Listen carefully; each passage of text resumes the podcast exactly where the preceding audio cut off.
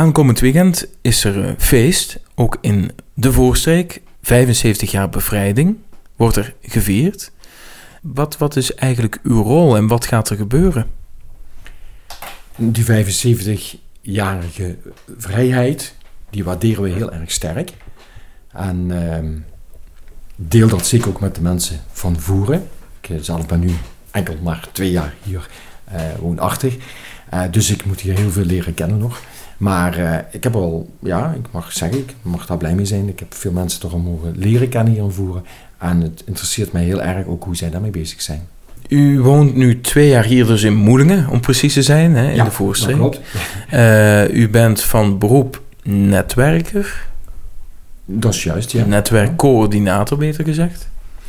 Um, ja, ik coördineer zo dat de netwerken ieder het op hun schouders kunnen nemen datgene waar hun droom ligt en waar ze graag in enthousiasme mee aan de slag gaan. Ja. Uh, u werkt vooral in Brussel, heb ik begrepen. Ja, het is uh, het grootste team waar ik mee samenwerk, uh, is in Brussel gelegen. Ja. Nu, u woont hier in, in, in, in Voeren en opeens werd u benaderd door, door William Nijssen. Dus, Dat klopt, ja. Um, was eigenlijk eerst Shaki, de eerste schepen, ja. die een keer hier was geweest. En die zei, jij moet een keer met William praten. Dat, hey. En dan ben ik William tegengekomen. Oh, dat was toen de burgemeester bij de judoclub daar. Uh, een, een, een, speech day.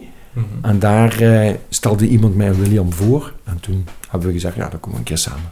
Dus via de judoclub bent u min of meer in contact gekomen met, met, met William? Ja, ja, indirect, ja. ja. En hoe is dat balletje toen gaan rollen? William is toen bij mij op bezoek gekomen in Moelingen. En we hebben een beetje samen doorlopen van uh, waar ben je mee bezig. En hoe kwam het punt 75 jaar bevrijding ter sprake? Dat kwam omdat ik, hij had dat ook al een beetje van Jacques gehoord, dat ik toch toonde uh, dat ik als lid van uh, de oud-Univillers, dat zijn de, de, mannen van Nederland, 9000 stuks, die naar Libanon zijn geweest en tussen 79 en 85, uh, dat noemen we de Univillers. Blauwhelmen. De blauwhelmen, ja. ja. En inderdaad, als blauwhelm ben je op dit moment de veteraan.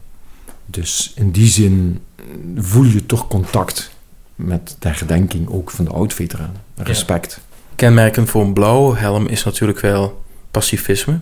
Ja, ik zie de blauwhelm een beetje, of mijn ervaring is een beetje van, of zo, zo kijk ik ernaar. Eh, maar goed, daar mag ook andere mensen natuurlijk over aanspreken. En mijn ervaring is echt dat het eigenlijk gewoon de nationale politieagent is. Ja. De internationale politieagent, de mondiale. Ja, ja, ja. Die de vrede probeert te bewaren tussen beide partijen die een uh, de conflict hebben. Ja, dat is juist. Ja. Eventjes uh, terug naar hier voeren, want uh, aankomend weekend, ja, dan is het toch wel een bijzonder moment. Ik zie er erg naar uit. Ja. Want wat, wat gaat er eigenlijk gebeuren? Er zijn veel mensen in Moelingen, maar in Voeren, maar ook in Noorbeek. Het is een beetje een bilateraal uh, projectje geworden. Uh, die met enthousiasme met elkaar gedeeld hebben om invulling te geven aan specifiek aan het bankje. De burgemeester Huub Broers vorig jaar ook heeft tentoongesteld bij Jackie uh, in de Voerstraat. Ja, dus dan hebben we het over het Vredesbankje, want ja. zo heet het dan ook. Vorig jaar onthuld, 11 november 2018. Precies 100 jaar na eigenlijk uh, het beëindigen van de Grote Oorlog, de Eerste Wereldoorlog. Maar dit gaat over de Tweede Wereldoorlog. Dat is juist, we spreken nu over 75 jaar. Ja. ja.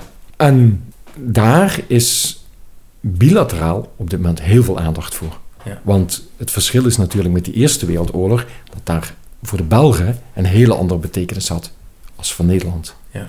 Spreken we over de Tweede Wereldoorlog, ja, dan is het een bilateraal redelijk gelijkwaardig verhaal hier in de, hier in de omgeving. Ja. Hoe is dat concreet ingevuld?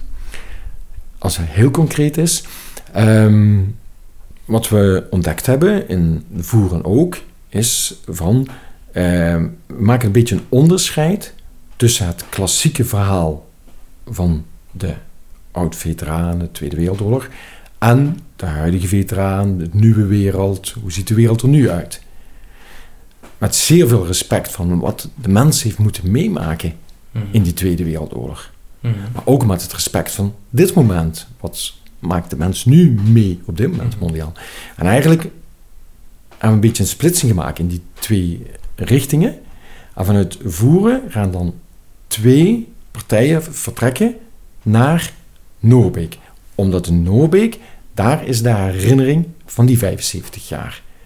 En daar komen ook Amerikanen die daarmee in verbinding waren en zo. En we komen daar allemaal samen. En vanuit ehm, vlak waar de burgemeester Huub Broers woont, daarnaast woont eh, eh, Vincent Heggen. En Vincent Heggen heeft georganiseerd dat een konvooi van daaruit vertrekt. Ja, dus eigenlijk eh, twee punten hier in, in Voeren. Moelingen, bij de Vredesbank. En eh, op de weg naar Warsage is dat dus. Daar vertrekt dan het konvooi. En hier vertrekt dan... Dat zijn wandelaars, hè? Hier zijn het wandelaars. En wie zijn die wandelaars? Dat is dus de nieuwere veteraan. En ja, in dit geval is dat de blauwhelm. Dat ik daar zelf ook bij betrokken ben.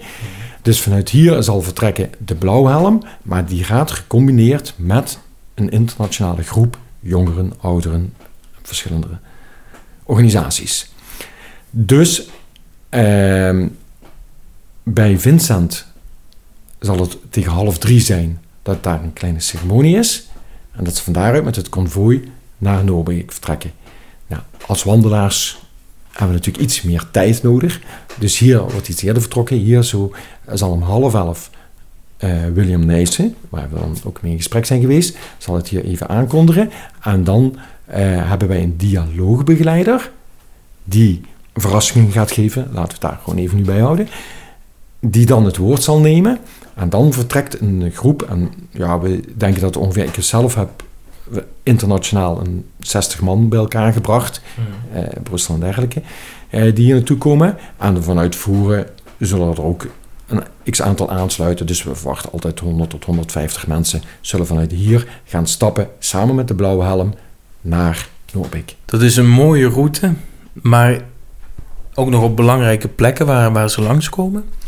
Want dat hoort ook bij die dialoog. Ehm, vandaar dat er pauzeplaatsen zijn, omdat dat dialoog een verrassing is van een beleving. En per plaats waar we aankomen is een andere vorm van beleving. Ja, kun je daar al iets over onthullen of is dat nog een verrassing? Ja, dat willen we bij de verrassing laten. Dat is iets, eh, ja. Nu, eh, mensen die dit horen en die denken, ja, dat lijkt me wel leuk, zo'n wandeltocht. Ik wil er wel aan deelnemen. Kan dat? Ja hoor, je kunt nog uitsluiten. In principe eh, zou je even hebben moeten ingeschreven. Het staat ook op de website van Voeren. Ehm, maar Ehm, goed, eh, de wandeling vertrekt hier in Moelingen. Mooie route, belangrijke plekken, ook wat verrassingen dus. Dan komen we aan in Noorbeek. En wat gaat daar dan gebeuren?